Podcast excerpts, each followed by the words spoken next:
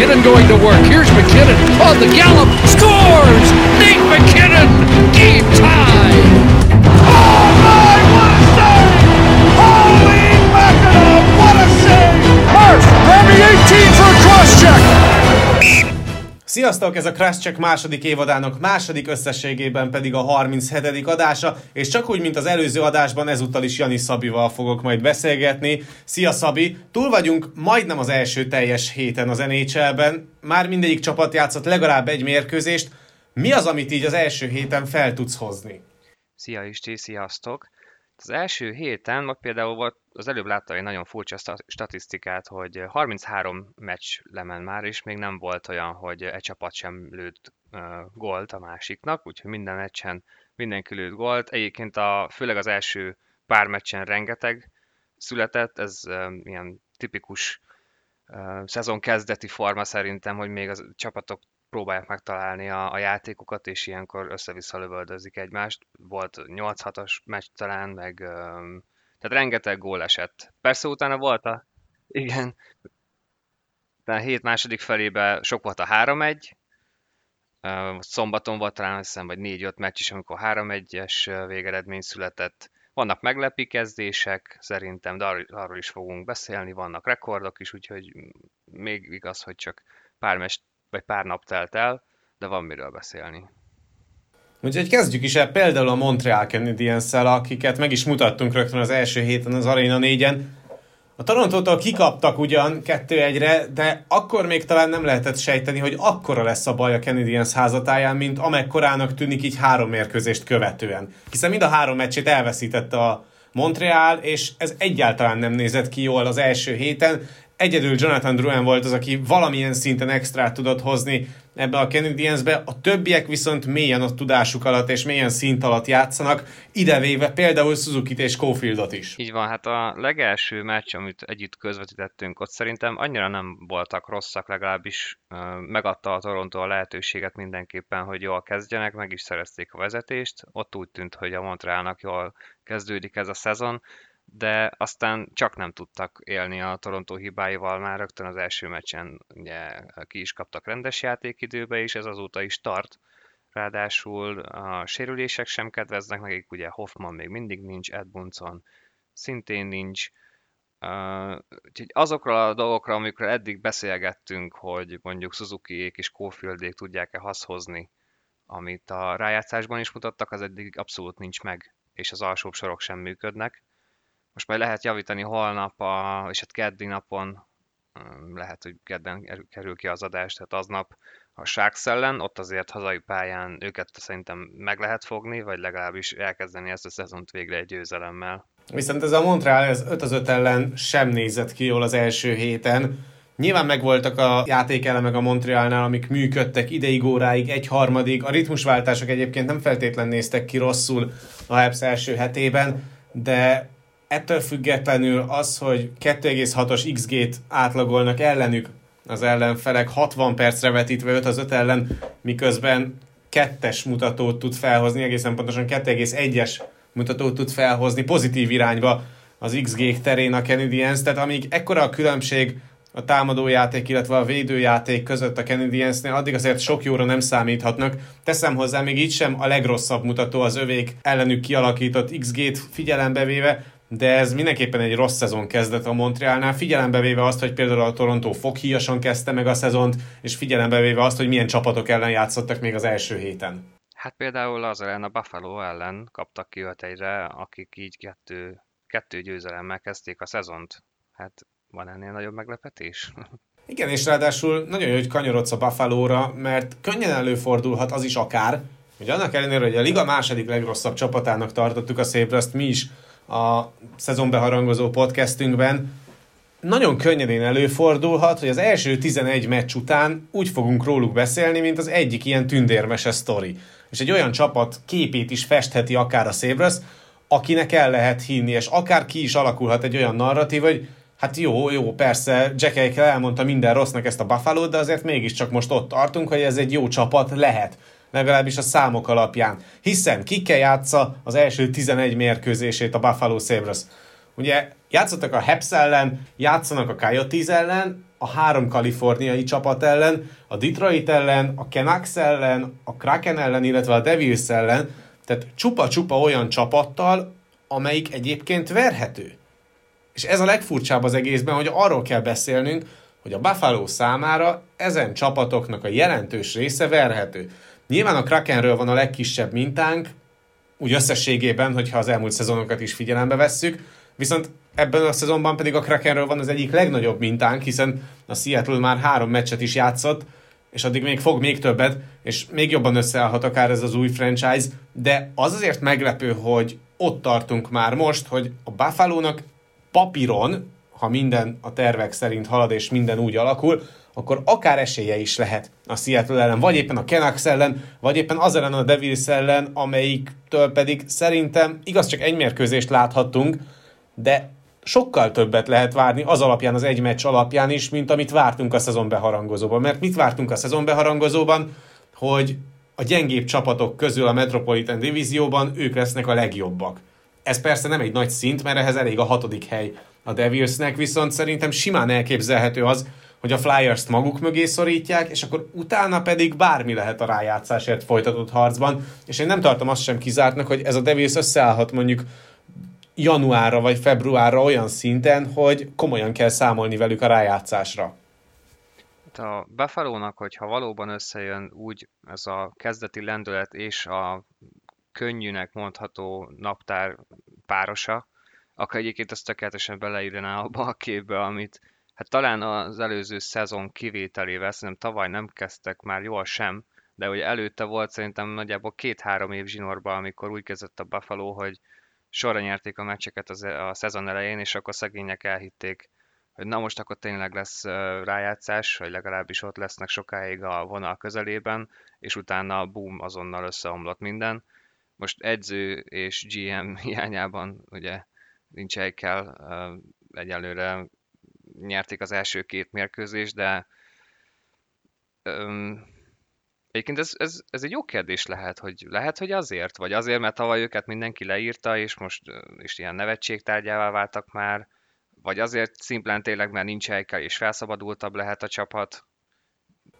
Nem tudom igazából megfejteni, hogy ez a Buffalo mitől kezdett ilyen jól. Nyilván azért ezt a két győzelmet a helyén kell kezelni, mert két győzelemmel kezdhet bármelyik csapat a ligában. Igaz, két verességgel is, mint mondjuk a New York Islanders, ami pedig a legnagyobb meglepetés talán ebben a szezonban itt az első héten. De hát a Columbus is 2-0-val kezdte a szezont, ami szintén egy egészen szürreális dolog azok után, ahogyan kinézett ez a franchise még mondjuk az a, a holt szezonban. De valóban egyébként már itt az első héten látszik, hogy ez a Metropolitan Divízió sokkal bonyolultabb lesz annál, mint amit előzetesen felvázoltunk, pedig már az sem volt egy egyszerű történet. De ugye a Philadelphia Flyers gyengélkedése, az Islandersnek a rossz szezon kezdete, az igaz, tényleg csak nagyon kis minta, tehát az Islanders kétszer, a Philadelphia Flyers pedig egyszer játszott mindössze ebben a szezonban, tehát hogy mind a kettejüknek van még alsóhangon 80 mérkőzése a hátralevő alapszakaszból, de azért az már jelzésértékű, hogy mivel ezek a csapatok rosszabbul kezdtek, mint amire lehetett számítani tőlük, ezért nekik egy lépés hátrányt kell ledolgozniuk, ergo már most meg van keveredve a teljes erősorrend. Legalábbis a tabella alapján. Szerintem az első hét után egyébként úgy összességében, amit meg lehet fogalmazni, hogy a jó csapatok, akiket gondoltunk, hogy odaérhetnek majd a végelszámolásnál, azok valóban is jó csapatok, tehát gondolok itt az Avalanche-re, az egy-egyes mérleg ellenére, a Tampára, a Vegasra, a Carolina-ra, illetve a Floridára, illetve a rossz csapatok közül pedig azért nem lett jobb csapat jelentősen ez a Buffalo, ez az Arizona Coyotes, azt hagyjuk is, az Anaheim Ducks is, azért már most mutatott olyan jeleket, amik miatt lehet félteni őket, akár hosszú távon is, hiszen hogyha Gibson nem lesz ott a csapattal a szezon hátralevő részében, vagy lesznek olyan szakaszok, amikor Gibson nem tud stabilan olyan teljesítményt hozni, mint amit mondjuk hozott az első mérkőzésen, akkor ez a Dax bajban lehet. A Columbus sem lett egy jobb csapat, mint amilyen volt, egyszerűen csak Max Domi úgy néz ki, mint aki tényleg jól is tud játszani, és korábbi jó önmagát idézi, Patrick Laine pedig olyan játékot hozott az első két héten, amit szerintem azóta nem sikerült, hogy eljött a Winnipegből. Viszont a Kingsnél Kopitár, mint hogyha 23 éves lenne Dautival együtt, az első meccsen, most éppen vezeti a pontlistát Kopitár, Dauti is ott van az elejébe, ez is valamilyen szinten azért meglepetésnek mondható. Visszatérve még a metróra, például a Pittsburgh pedig úgy vezeti a csoportot, ugye három meccs alatt öt pontot szerzett, hogy rögtön az első mérkőzésen elpofozta a, a hát kétszeres bajnokságot ünneplő Tampát, úgyhogy nincs Crosby és Malkin. Úgyhogy valóban itt jó, persze nagyon az elején vagyunk még, de, de azért vannak meglepik. Igen, de azért, hogyha belegondolsz, és akkor beszélhetünk a Pittsburghről is, hogy azért az első három mérkőzésén szerzett egyaránt pontot a Penguins. Két győzelem és egy hosszabbításos vereség. Jó csapatokat vert meg, vagy éppen jó csapatoktól szerzett pontot, hiszen amellett, hogy a Lightningot hihetetlen magabiztossággal verte meg, amellett ugye hozta a kötelező győzelmet a Chicago ellen, illetve a Panthers ellen pontot szerzett. Tehát a Florida csak hosszabbítás után tudta felülmúlni a Pittsburghet, és persze a szezon elején ezt a Pittsburghet azért hajlamosak voltunk egy rossz szezon kezdett el megajándékozni, pont a sérültek miatt. De itt az első héten úgy látszik, hogy ez a Pittsburgh ez össze tud állni olyan időszakokra, amikor nincsen Crosby és nincsen Malkin. Nyilván kisebb is a minta az ellenfeleknek is abból, hogy miben, miben, mire készüljenek a Crosby és Malkin nélküli pittsburgh kapcsolatban, de egyelőre, amit meg lehet fogalmazni ezzel a penszel, az az, hogy ez a csapat rövidebb ideig biztosan el fogja tudni bírni azt, hogy nincsen ott a két legnagyobb sztárja. Muszáj is neki. És, és ugye ezután a kezdet után pedig akkora önbizalma lehet a csapatnak, hogy megverték a kétszeres címvédőt, megverték a Florida, illetve pariban voltak végig a Floridával, és egy pontot elhoztak a Panthers-től, hogy ugye ezt a csapatot hajlamosak voltunk 0-3-as szezon kezdettel megajándékozni. Ehhez képest meg 2-0-1. És az dupla win, hogyha a Pittsburgh Crosby és Malkin nélkül tudja ezt húzamosabb ideig tartani, mert akkor az azt jelenti, hogy a Pittsburghnek nem kell vissza sietetnie Crosbyt és Malkin sem. Hát, hogyha az a helyzet, hogy, hogy még nem, tehát nem feltétlenül százszázalékos Crosby, akkor nem kell, nem kell azonnal visszahozni, mert azt lehet látni, hogy a Pittsburgh folyamatosan kikap, és le fog, annyira lemarad ebbe a csoportba, hogy, hogy egyszerűen játszatni kell, hanem így, hogyha ott lesznek az elejében, és hozzák ezeket a meccseket a hiányukban, akkor, akkor lehet nekik időt adni arra, hogy, hogy százszázalékosok legyenek mind a ketten. Úgyhogy mindenképpen ez egy szép kezdés tőlük. És a Pittsburgh megverte a szezonnyitón a Tampát, azt a Tampát, amelyik azóta viszont két győzelmet is aratott. Igaz, mind a kettő csak hosszabbításban tudta felmutatni, de azért a Lightningnál is nagyon szélsőséges teljesítményeket lehet látni, akár a kapuban Vasilevski esetében, akár úgy összességében az 5 az 5 elleni játékot figyelembe véve. Ugye a Detroit ellen egy hatalmas káosz végén tudott végül nyerni a Lightning. Ugye 6-3-ra vezetett még a Detroit az utolsó 7 percben előtt a harmadik harmadban, és aztán jött az egyenlítő tripla a Lightningtól, és aztán ráadásul még a hosszabbításban is le tudták győzni a Detroitot. Úgyhogy az mindenképpen egy fontos ilyen karakterformáló, vagy karaktermutató siker volt a Tampától, ahogyan azt Steven Stamkos is elmondta a meccset követően, hogy a nagy verés után a szezonnyitón minél hamarabb vissza kellett volna találni a győzelem útjára, hát ez a Detroit ellen sokáig úgy tűnt, hogy nem jön össze, de aztán végül a rohamhokit meg tudta nyerni a Lightning, és ami nagyon domináns volt a Lightning Detroit elleni játékában, az az, hogy a hosszabbításban végig náluk volt a korong. És akkor arról még nem beszéltünk, hogy egyébként a túloldalon pedig Bertuzzi lőtt egy négyest. Így van, megérkezett Bertuzzi is, uh, eseménydús hete, hete volt, az biztos, mint ahogy egyébként fogunk a játékvezetőkről beszélni, de szerintem ez az aktuális mérkőzés, amit említesz, ott is már azért volt egy-kettő olyan um, érdekes döntés, amivel nem feltétlenül értenek egyet. Ez szerintem egyik oldal sem, sem a Tampa, sem a Detroit sok olyan esemény volt, amit egyébként be kellett volna fújni, de sokkal veszélyes, tehát veszélyes szituációt nem fújtak be, és egy-két olyan szituáció volt, ami pedig értetetlen, hogy miért lett belőle kiállítás. Nem beszélve arról az esetről, amikor Larkint ütközték le, ő megtorolt valamit, és hogyha jól tudom, még talán eltiltást is kapott érte. De te biztosan jobban meg tudod értékelni ezeket a, ezeket a szitukat, de hogy itt vagyunk a szezon elején, és már ilyenekkel kell találkozni, ráadásul van még a tarsolyunkban ilyesmi eset. Igen, tehát azért magunk között beszéltük azt például az adás előtt, meg még a szezon előtt, hogy talán még most nem akarunk sokat bírózni, nem akarunk nagyon szabályokról beszélni, nem akarunk játékvezetői felfogásról beszélni az első hét után sem, mert nem tudtuk elképzelni azt, hogy mondjuk ennyi beszédtémát szolgáltatna mondjuk egy-egy döntés. Ehhez képest egy napot se kellett várni arra, hogy már elég komoly vita témát szolgáltasson, például a Vegas Kraken mérkőzés, vagy ugye tényleg a, a, a teljes első nap, mert ott a Pittsburgh Lightning mérkőzés az lement, és aztán jött a Vegas Kraken, és onnantól kezdve pedig csőstől jön folyamatosan a játékvezetők konzekvens ítélet sorozata, ami nem feltétlen jó, meg hát konzekvensen rossz a döntések sorozata, mert ugyanazt a helyzetet például egészen másként ítélik meg A meccsen, mint B meccsen, de erről majd akkor beszéljünk később. Most viszont kanyarodjunk egy kicsit vissza uh, erre a Lightningra, mert ugye ott viszont most Kucherov, illetve Bogozsán megsérültek a Washington ellen, úgyhogy érdekes lesz az, hogy mondjuk mit tud kihozni a Lightning ebből az időszakból, amíg Kucherov nincsen. Mondjuk elég nagy mintánk van arra, hogy mire képes ez a Lightning akkor, hogyha nincsen Nikita Kucherov. Pont ezt akartam kérdezni, hogy itt most akkor igazából örül a Tampa, vagy, vagy most baj van?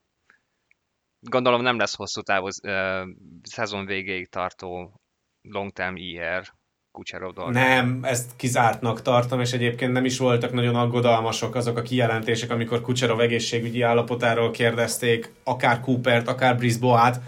Tehát ez egy kicsit túl reagált sérülés volt a Lightningnál.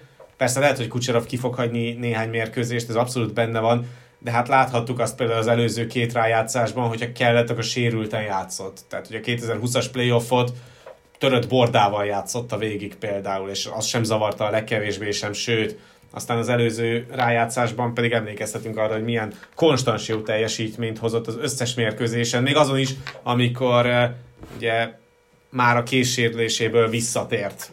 Tehát vissza tudott térni azon a mérkőzésen, és ahol egyébként tehát ezt a, azt az ütközést is bevágták abba, azt hiszem, a, amikor arról volt szó, hogy a, a cross-check szabályt fogják módosítani, de erre is majd ki fogunk térni a rész alatt. Mert például pontosan azok azok az ütközések, amiket próbál visszaszorítani a liga, hogy a sztárjátékosokat megvédjék, és ne legyenek ilyen sérülések, amik egyértelműen, hát vagy arra mennek ki, hogy ott a játékost azonnal átakarítsák, és ne szerezzen gólt, ez a jobbik eset, vagy pedig, hogyha célzottan sérülést akarunk okozni, akár egy sztárjátékosnak, mint Kucserov, vagy McDavid, vagy bárki. Maradva még ebben a divízióban, beszéljünk egy kicsit a Torontóról, már csak azért is, mert volt egy egészen furcsa helyzet a Torontónál, ugyanis ugye megsérült Mrazek, és valakit be kellett volna emelni az AHL-es keretből, és valamilyen szinten át kellett alakítani a teljes meccskeretet Sheldon Keefe-nek, ehhez képest eléggé meg volt kötve a keze, pont a fizetési sapka miatt, és emiatt pedig nagyon-nagyon szenvedett a Toronto vezetősége azzal kapcsolatban, hogy kialakítsa azt a keretet, aki játszott azon a bizonyos mérkőzésen, és ez egyébként rávilágít egy dologra, amit a Torontónak egy korábbi játékosa, Carlo Kolajakovó fogalmazott meg a Twitteren, hogy ennek a ligának már meg kéne érnie arra, és fel kéne dolgozni azt, és tisztában kéne lenni azzal, hogy az NHL a világ legjobb ligája. Ami azt jelenti, hogy az NHL-ben a világ legjobb játékosainak kellene játszani. Ez pedig ugye azt is jelenti, hogy ilyen meg olyan megszorítások miatt, vagy szigorítások miatt nem fordulhatna elő egy ideális ligában az, hogy a legjobb játékosaidat nem tudod nevezni a meccsre. Mert ugye a Torontóval most ez történt, ez egy nagyon érdekes szituáció volt egyébként, valamilyen szinten egyetértek Kárlóval, bár azért ő szeret, szeret nagyon sarkalatos kijelentésekkel pufogtatni mindenhol, mert oké, okay, ez... Tét nélkül teszi mindezt. Igen. Tehát, hogy azt azért hozzá kell tenni, hogy neki aztán semmi nem múlik ezen. Meg ez rendben van, csak, csak akkor ezt hogyan oldod meg? Ott, ott akkor az egész cap struktúrában mondjuk be kell rakni egy-két olyan kiskaput, amikor ilyen esetekben lehetséges az, hogy mégis befér valaki a sapka alá, tehát ez, ez nehéz megfogni. Az megoldhatatlan, és az nem fordulhat elő, hogy nyakló nélkül kiveszik a fizetési plafont a csapatok feje fölül, és akkor addig lehet költekezni, ameddig nem szégyelnek. Ugye az NBA-ben van egy olyan, ha jól tudom, cap kialakítási struktúra, hogy ha túllépi a fizetési plafont egy csapat, akkor luxusadó ellenében még be lehet hozni egy-egy játékost, vagy beférhet egy-egy játékos, csak ugye ezek a luxusadók hatalmasak, és ezzel lehetne egy picit rugalmassá tenni a ligát, de tehát az egész major sportág családnak az a legnagyobb előnye, hogy nem alakulhatnak ki nagyon nagy szélsőségek a ligában. Tehát valamilyen szinten a gyengébek kompenzálva vannak, a jók kicsit meg vannak szorítva, és akkor ebből alakul ki az, hogy egyébként nagyon közel vannak a csapatok, hogyha mondjuk egy-egy playoff szériát nézünk, vagy egy-egy mérkőzést nézünk. Tehát nagyon ritkán fordul elő, hogy hatalmas gatyázás lenne, bár mondjuk ebben a szezonban az Arizona Coyotes összes mérkőzésén ez nagy valószínűséggel megvalósul, hogy jól kiporolják majd a Coyotes-t. Cáfoljanak rám, de azért nagyon-nagyon meglepő lenne, hogyha itt a Coyotes versenyképes lenne, de visszatérve az eredeti gondolatra, szerintem ez így jó. Tehát hogy én értem azt, amit Carlo mond, hogy, hogy valahogyan lehetővé kéne tenni a csapatoknak azt, hogy bárkivel, vagy hogy ne korlátozza őket a fizetési plafon akkor, hogyha mondjuk egy meccset szeretnének játszani, és mondjuk be, beüt a krak, ahogy most a Torontónál. De én azt nem látom, hogy ezt hogy lehet igazságosan megoldani, mert hogyha kiveszed a plafont, akkor meg elkezd két pólusová válni a liga. És azt fogjuk látni, hogy összeállnak hárman, négyen, ugyanúgy, mint az NBA-ben, és akkor kitalálják, hogy elmennek mondjuk Anaheimbe, és akkor Anaheimben ott lesz most akartam mondani hirtelen három játékost, akinek van ott kötődése, de akkor mondom azt, hogy mondjuk Stemkos, Kucherov, meg, meg McDavid, meg Matthews összeállnak, és elmennek valahova játszani mert ezt szülné hosszú távon. Tehát rövid távon lehet, hogy ezt valamilyen szinten lehetne korlátozni, de akkor már az sem lesz elég, akkor már az sem lesz elég, és akkor elindulunk egy olyan irányba, ami talán fel is számolhatja mondjuk a fizetési plafon rendszerét, ami pedig nagyon-nagyon rosszat tenne az egész ligának.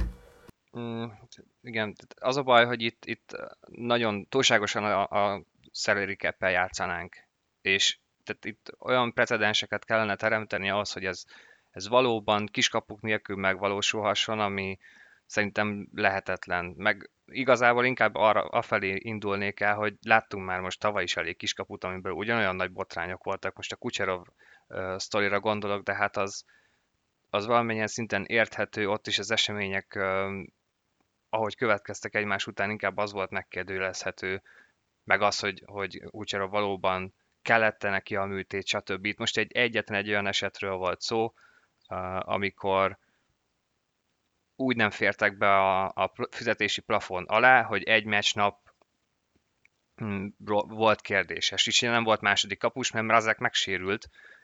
Hutchinson nem tudták felhívni, mert akkor fölé mentek volna. Ráadásul arról az a helyzet, hogy Ian Scott és Joseph Wall is sérült, tehát olyan embert se tudtak volna felhozni, akiknek a, alapvetően a, az aktuális mesnapon a fizetésük a, a sapka alá befért volna.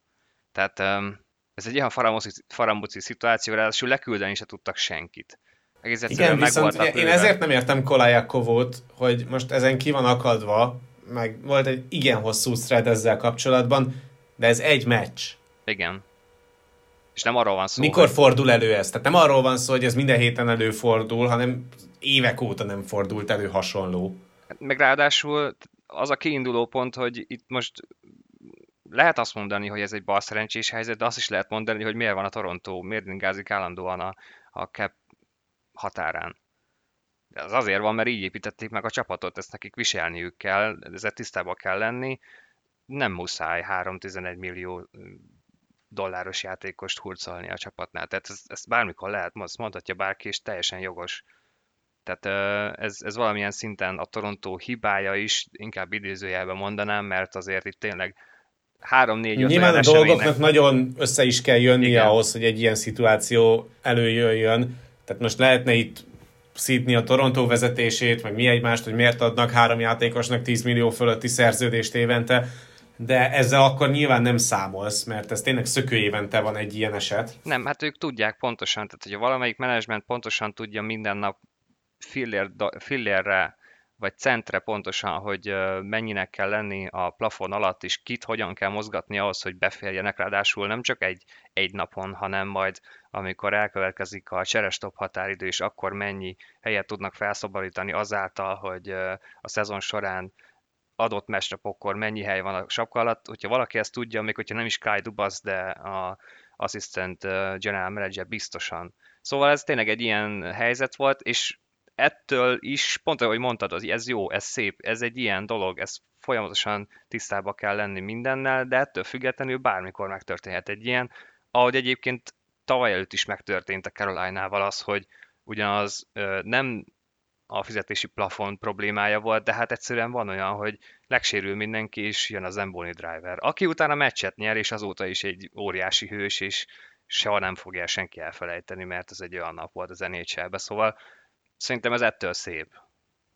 Úgyhogy átkanyarodva a következő csoportra mehetünk is a Las Vegas Golden Knights-ra, illetve a hát Vegas Golden Knights-ra egész pontosan, hiszen ugye a Tampa Bay Lightning Pittsburgh Penguins mérkőzés után bemutatkozott a liga új franchise-a, a Seattle Kraken, a második legfiatalabb franchise ellen, és hát ez volt az a mérkőzés, ahol először előjöttek a bíró gondok. Tényleg három harmad után már lehetett igen komoly bírózást hozni a ligában. De mi is volt ez pontosan? Nyilván mindenki tudja egyébként szerintem, de a rendkedvéért Szabi. Hát ugye úgy vesszük nem a harmadik harmadban, mert nem is az egyetlen ilyen rúgkapálós eset ez első héten, hanem akkor második félidő vége felé Stevenson csodálatos belsővel szerezte meg a, a gólját a Vegasnak, ráadásul, ha jól tudom, vagy jól emlékszem, az itt döntő, el is döntötte ezzel a mérkőzést.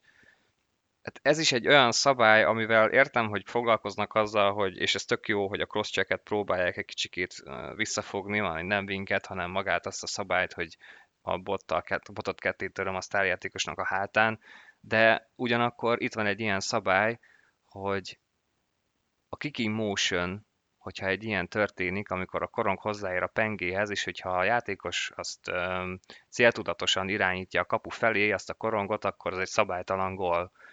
Három eset történt, három ilyen eset történt a héten, abból kettő egyre állunk, kettőt megadtak, egyet nem. Az én véleményem az, hogy mind a három egyértelműen az volt, és akkor innentől kezdve ki, ki van felháborodva, meg kinek van a legnagyobb joga, hát most lehet, Tehát hogy... Itt nem azzal van a gond, Szabi, ugye, hogy megadják a gólt, vagy nem adják meg, mert nem azon múlik. Tehát most mi a, kattoghatunk azon egyébként, hogy szabályos volt-e a gól, vagy nem, de hogyha kettő meccsen szabályos Igen, volt, ez a baj. akkor a harmadikon is legyen az. Tehát itt nem az, tehát nyilván elég egyértelmű a szabály, hogyha van rugó mozdulat, akkor az nem gól.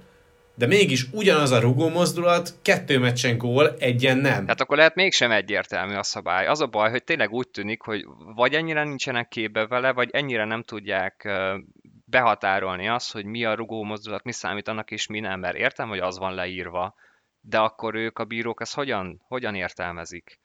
Mert lehet, hogy egy kicsit, tehát annyit kellene változtatni a szabályon, hogy mindenkinek minden pillanatban egyértelmű legyen, hogy, hogy ez nem lehet gól. Akkor legyen az, hogy hogyha hozzáér a pengéhez a korong, és onnan megy be, teljesen mindegy, hogy mi történik, az nem gól. És ezzel, ezzel le van fektetve a szabály, mindenkinek egyértelmű. Még akkor is, hogyha sok olyan gól fog így születni, ami korábban egyértelműen tiszta találat lett volna. De csak így tudod kiszűrni az ilyet, hogy most itt van három gól, abból kettő az, egy nem.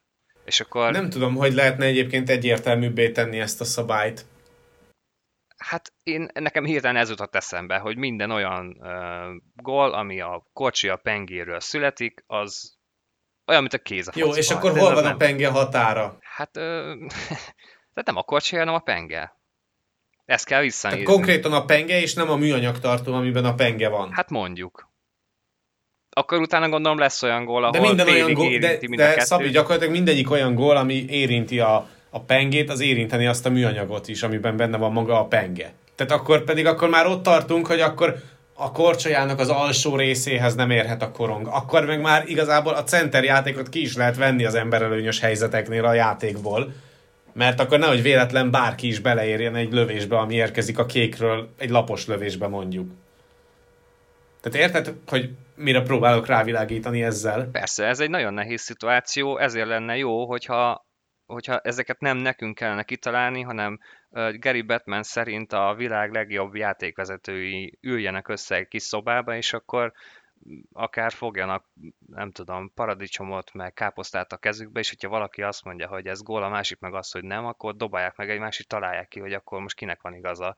Mert nekik Igen, de kell... szerintem egyébként földobnak egy érmét, aztán vagy fej, vagy írás, és az alapján gól, vagy nem hát gól. Hát ez a baj. Csak itt az a... első három döntés az abszolút azt támasztja alá, hogy ez így történik. Igen. és, és tényleg nem, tehát egyszerűen nem lehet ezen már, nem lehet eldönteni, hogy, hogy, hogy mi az irány. Mert te, te, szerintem három teljesen egyértelmű, öm, pont, és pontosan egy olyan gól született, amit az ő szabályzatuk azt mond, hogy ez nem az. Mind a háromnál megvolt szerintem az egyértelmű, mm, még hogyha nem is feltétlenül pontosan rugó mozdulat, de az irányítás is. És akkor lehet, hogy ezt is bele kellene venni a szabályba, hogy akkor irányítja, mert, mert, mert annyira gyönyörűen belsőzött mind a három játékos, hogy fantasztikus látvány volt egyébként. Csak most akkor azon vitázni, hogy ez kiki motionnel történt-e ez a belsőzés vagy sem, hát akkor ez a vége, hogy kettő meg van adva, egy meg nincs. A Vegas viszont ezt a mérkőzést meg tudta nyerni, utána viszont kapott egy hatalmas verést a Los Angeles Kings-től, és ami nagy probléma lehet egyébként a Vegas számára, hogy már most eléggé felforgatott állapotban van a csapat, hiszen rengeteg kulcsembere sérült meg. Max Pacioretty megsérült, Mark Stone is sérült, Nicolás Roa, Brett Howden és Will Carrier ugyan már vissza tudtak térni az edzésekre, de még mindig nem százszázalékosak. Matthias Janmark pedig továbbra is a Covid protokoll tagja, úgyhogy rengeteg, rengeteg sérültje és hiányzója van már most a Vegasnak, és nincsen könnyű helyzetben a Golden Knights, hiszen ugye ott van velük egy csoportban az az Edmonton Oilers, akik viszont nagyon meggyőzően kezdték ezt a szezont.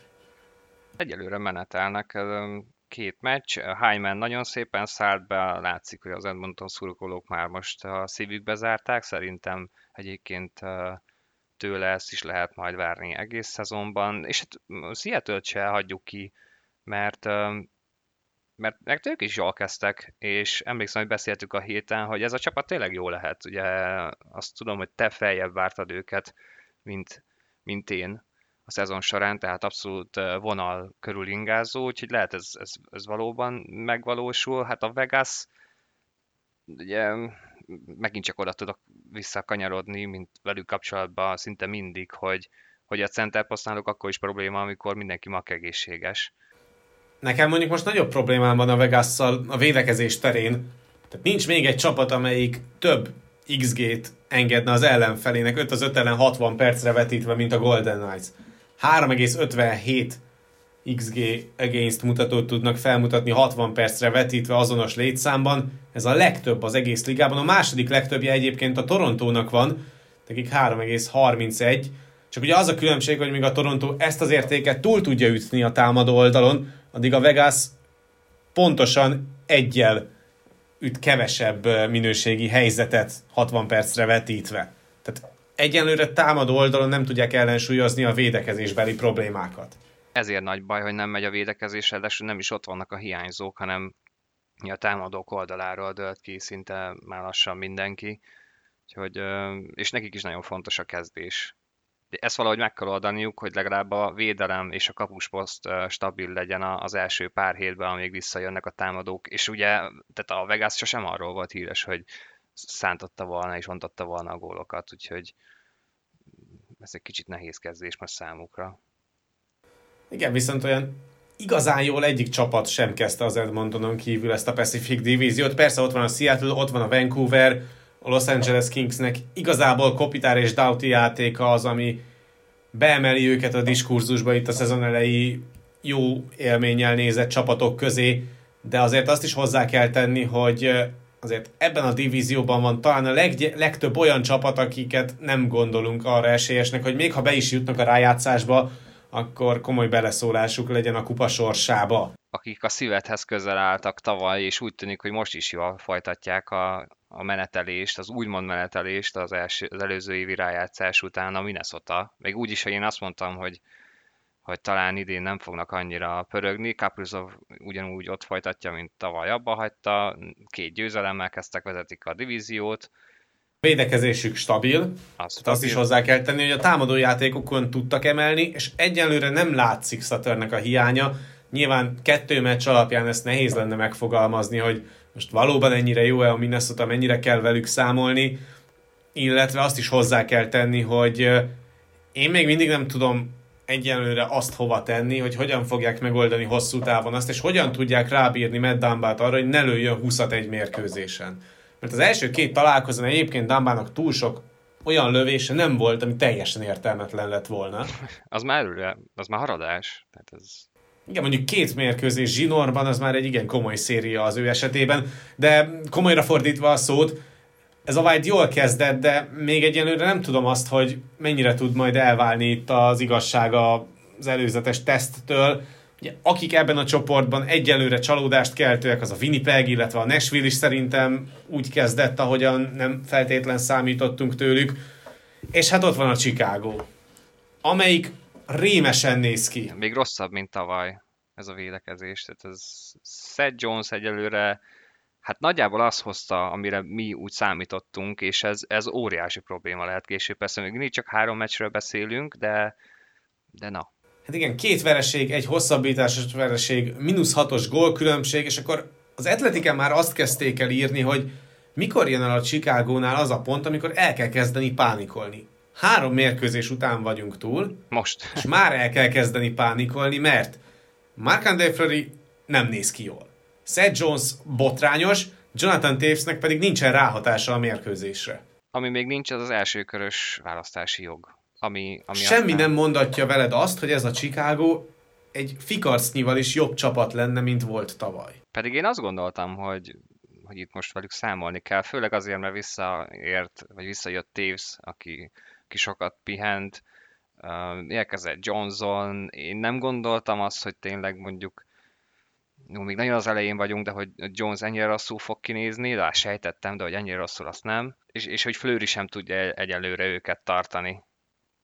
Úgyhogy itt, itt komoly feltámadásnak Igen, kell itt, itt jönnie. sokkal mert... több probléma volt egyébként ennél a Chicagónál, mint hogy egy Marc-André Fleury megolda, megoldana mindent. Meg ez a Chicago nem elő volt rossz csapat, hanem sokkal inkább hátul. Igen, és az nem Az a durva, hogy ugye Seth Jones érkezésével lehet, hogy előre felé majd több helyzetet fog kialakítani ez a Chicago, de hátul pedig annyira lyukas lesz, mint egy ementális sajt, és olyan helyzeteket tudnak majd kialakítani stabilan az ellenfelek, amikből annyi gólt ütnek majd ahányat csak akarnak. 5 az 5 elleni játékban ez a Chicago szörnyen néz ki, lassúak, elváltják magukat, folyamatosan megy a félre kommunikáció a bekkek között, a centerek nem érnek vissza védekezni, az egyik csatár az fönnmarad gyakorlatilag a, a piros vonal magasságában, és akkor ebből próbálj valamilyen csapatot kovácsolni. Rettenetesen nehéz lesz, és egy borzalmasan hosszú szezonja lesz így a Chicagónak. Hát az biztos is, a, amit az előbb mondtam, hogy ebből a, legjobb, a legnagyobb probléma az, hogy el is cserélték ugye azt az első körös pikket, bár ha, ha jól emlékszem, akkor valamilyen szinten le van védve, de, de azért így nehéz, hogyha, hogyha ennyire nem jön nekik össze a szezon, és, és még abba sem bízhatnak, hogy akkor jó helyen fognak húzni, tehát megajándékozzák a Columbus még azzal, hogy egy jó piket is adnak nekik, hát az úgy, az úgy nagyon-nagyon fog fájni. Úgyhogy össze kell szedni. Ráadásul tehát alapvetően nincsenek annyira nehéz helyzetben, mert szerintem ez a divízió nem a világverő divízió, nyilván itt a Colorado most egyenlőre úgy tűnik, hogy egy jó Minnesota, tehát még hogyha nem is rájátszás, St. Louisról végén... volt egy meccsünk, amit tudunk, és majdnem elrontották azt is, hiába volt nagy előnyék az avalanche szemben, és akkor rá is kanyarodhatunk egy kicsit a Colorado-ra, amelyik nem kezdte jól a szezon szintén, de még mindig, hogyha azt nézzük, hogy ha visszatér mindenki a csapatba, akkor még így is a, a Colorado-nak van talán a legerősebb kerete, és még mindig ők mutatják az irányt a ligának, hogy mi kell ahhoz, hogy egy kupára is esélyes csapatot tudjál felmutatni. Az persze megint egy másik kérdés, hogy az első két meccsén ez a Colorado McKinnon nélkül nem volt meggyőző. És persze van még egy halom másik sérültje is a csapatnak, félreértés ne tehát Tévsz hiánya szintén fájó lehet a védelemben, illetve Burakovsky is keresi a formáját, hogyha egyáltalán játszhat. Tehát nagyon sok minden problémája van ennek az Fs-nek. De van idejük. De van idejük. Neki és egyébként aztán... azért nem kell pánikolnia mondjuk sem a Vegasnak, sem a Colorado-nak, sem pedig a Tampának, mert, mert ők úgyis ott lesznek a végén. Tehát nekik nem kell az alapszakasz elejétől kezdve menni, mint az őrült, mert olyan csoportban van ugye a Colorado, illetve a Vegas, ahol ha nem állnak nagyon-nagyon csúnyán földbe, akkor biztos a helyük. Egyedül a kiemelés a kérdéses. És akkor a Tampa pedig ott áll, hogy hát azért, hogyha egy közepes szezonnal nem jut rájátszásba, akkor azért vannak gondok. Igen, tehát a, hogyha a Colorado innentől kezdve akár a szezon felé karácsonyig uh, bukdácsol, utána még akkor is simán Simán kompenzálható a rossz szezon kezdet ebben a csoportban. Ebben a csoportban aztán főleg meg is tudják nyerni, úgyhogy nem, nem, nem kell emiatt aggódni. Persze gondolom fájt az, hogy nekik se adták meg azt a gólt, ami igazából nem gól, csak hogyha már két helyen megadták, akkor, akkor mérges tud lenni az ember. Ezen a héten is kettő meccset mutatunk az Arena 4-en. Először kedről szerdára virradólag, majd pont a Colorado Avalanche kerül képernyőre. A Washington Capitals otthonában játszik majd a Colorado. És a Washingtonról még nem beszéltünk részletesebben ebben az adásban, de nem véletlen, hiszen most itt a lehetőség arra, hogy egy kicsit körbejárjuk azt, hogy ez a meccs miért lesz nagyon fontos a Washingtonnak, illetve miért lehet egy nagyon jó kapaszkodó és egy meglepően furcsa értékmérő a Colorado-nak. Hát a Washington szempontjából ugye ők most a, a hetet azt egyelőre vagy az egész szezont egy győzelemmel egy hosszabbításos vereséggel kezdték. Ugye Ovechkin egyelőre szárnyal, beérte, és meg is előzte Marcel Diant, úgyhogy most már top 5 a, a gól szerzések számában. Már csak 161-et kell lőni, és Greskit is beéri. Hát úgy csak Colorado, az, azt ugyan lehet elmondani róluk, amit ugye eddig is taglaltunk, hogy lehet, hogy egy kicsikét nyögvenyülősen indul egyelőre a szezon, de, de van idejük. A, a Capitals viszont egy jó felmérő lesz. És ugye az is érdekes lesz, hogy ha és amennyiben ilyen szinten tud menni a Washington az egész szezonban, akkor mondjuk Ovechkinnek a szerepe az nyilván fenntarthatatlan egy teljes alapszakaszban, mert az nagyon komoly, ahogyan elkezdte, hogy kettő meccsen ütött már három gólt Alexander Ovechkin, viszont hosszú távon fenntarthatatlan az, hogy ennyire rá támaszkodjon a Washington, és ahhoz, hogy tényleg kupáért tudjon küzdeni Peter Laviolette csapata, ahhoz valamikor egy kicsit le kell venni Ovechkinről a terhet. Mikor jöhet el az a pont egyébként, amikor a Washington úgy dönt, hogy na jó, most már elég jók vagyunk ahhoz, hogy egy picit levegyük a gázpedálról a lábunkat, és egy picit Ovecskint is limitáltabb szerepkörben használjuk, vagy itt akkor most a rekordhajszolása akár még a csapat céljait is felülírhatja, úgy, hogy egyébként ez a Washington, ez nagyon a vége felé jár a bajnoki ablaknak. Szerintem addig, ameddig ez működik, az, hogy, hogy nagyon a Ovechkinre fókuszálnak, és még mindig ő a mozgatórugója ennek a ennek a támadó alakulatnak, és ameddig Ovechkin tudja is szállítani a pontokat és a gólokat, addig ez a kettő mm, szerintem járhat kézbe kézbe. Én nem hiszem, hogy ő mondjuk elfáradna a szezon során. Lehet, hogy lesz egy-két olyan hónapja, amikor valóban nem pörög annyira, de nem hiszem, hogy idén még azzal nagy hibát elkövet a Washington, hogyha, hogyha ráalapoznak. Későbbiekben lehet, hogyha tényleg az lesz, hogy ő odáll a kékre állandóan is mindent elő, csak hogy legyen meg az a 160 gól. Szerintem az idei év az még egy olyan lehet, amikor, amikor rá lehet alapozni. Hát majd meglátjuk, hogy ez az alapozás, ez már rögtön a Colorado ellen, amelyik még így is a liga egyik leggyorsabb csapata, hogy nincsen például McKinnon stabilan a bevethető játékosok között mire lesz majd elég, és hogyan tudja majd bírni Ovechkin a tempót. Egy nappal később pedig megmutatjuk a Philadelphia Flyers Boston Bruins mérkőzést. Addigra már okosabbak leszünk a két csapattal kapcsolatban, viszont amit a Philadelphiáról el tudunk mondani, az az, hogy ugyanott vannak, ahol tavaly. Tehát nem tudom, hogy láttál-e ennél rosszabb visszatérő szezont egy kapustól. Mert ez volt a narratíva, hogy Carter Hart majd idén visszatér, és úgy fog védeni, mint a pályafutása elején. Hát ehhez képest így vannak gondok. Hát igen, és tehát erre nagyon kell vigyáznia a Filinek. Klasszikusan, hát hogy mondjam, kapusgyilkos franchise volt mindig is, de, de azért ezt a srácot valahogy össze kellene kaparni még azelőtt, hogy, hogy teljesen kuka lesz. És, Félteni kell attól nagyon hártot, hogy ilyen szinten megtörhet?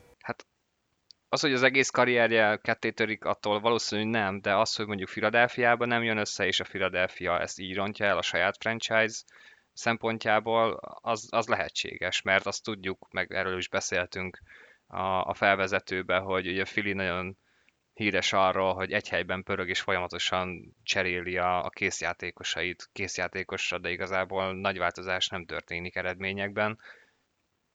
Még akár azt is el tudom képzelni, hogyha, hogyha ez a szezon is nagyon gyenge lesz Hartnak, nem feltétlenül az ő hibájából, akkor esetleg megválnak tőle, és máshol ki tud teljesedni. De ez most ez így nagyon ilyen teórius um, gondolat. Nehezen, tehát rosszul kezdett, össze tudja ő még szedni magát ebbe a szezonba, de ez kell egy jó védelem, tehát hogy segítség. Ne csak az legyen, hogy hát igen, akkor most hát nem jó, akkor, akkor az egész csapat nem jó miatta. A Boston pedig egyike volt a legkésőbb kezdő csapatoknak a ligában. Egy meccse van mindössze a Bruinsnek eddig a háta mögött, azt meg tudta nyerni 3-1-re, és uh, szerintem elég lenne egy játékosról beszélni, mert a Bostonnak az első soráról már nagyon sokat beszéltünk, a Boston kapus helyzetéről szintén beszéltünk a felvezető podcastben. Egy emberről nem beszéltünk, akit viszont azóta alaposan kitömtek egy zsák pénzzel, az Charlie McEvoy, illetve nem tudom, hogy ami emlékszel arra, hogy mit beszéltünk a Norris trófeával kapcsolatban a felvezető podcastünkben, de egy utólag visszagondolva szerintem méltatlanul keveset beszéltünk McEvoyról. Aki viszont ebben a szezonban, ebben a Bostonban, hogyha jönnek a pontjai is, és nem csak a fejlett statisztikai mutatóban tud nagyon hatékony lenni, és nagyon jó számokat hozni, hanem bizony az aktuális pontmennyisége is meg lesz, akkor egy elég jó esélyes jelölt a Norris trófeára az alapszakasz végén. Ehhez kell egy nagyon jó Boston, kell egy erős kapusposzt, amiben nem vagyok biztos, hogy meg lesz. Maga a szerződés, szerintem ezt, ők ezt fizették ki, ezt is, hogy, hogy ez hosszú távon és a következő években lehet így beszélni McKivoyról, de ahhoz valóban kell egy stabil Boston és egy védelem, nem csak ő. Hát az hiszem egyébként neki a, a korlátozott szabadügynököknek megajánlott minimum szerződés volt ez a 9,5, mert egy olyan konstrukciója volt az előző szerződésnek, ami ezt fektette le, hogy 9,5 millió a minimum, amit nekik meg kell adni. Úgyhogy erre lehetett számítani, hogy magas lesz ez a fizetés, és az évek számában is kimaxolták.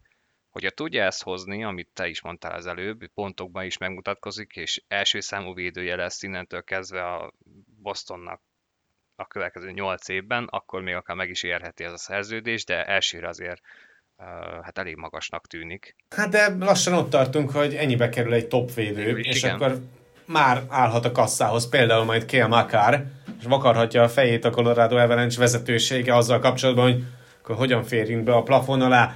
Egy picit kiegészíteném egy korábbi gondolatunkat. Most Twitteren jött eh, Erik Erlenson, az egyik Lightningos insidernek a tweetje Nikita Kucserovval kapcsolatban, hogy eh, mégsem olyan pozitívak a hírek Kucserovról, mint amilyennek elsőre vagy másodjára tűntek.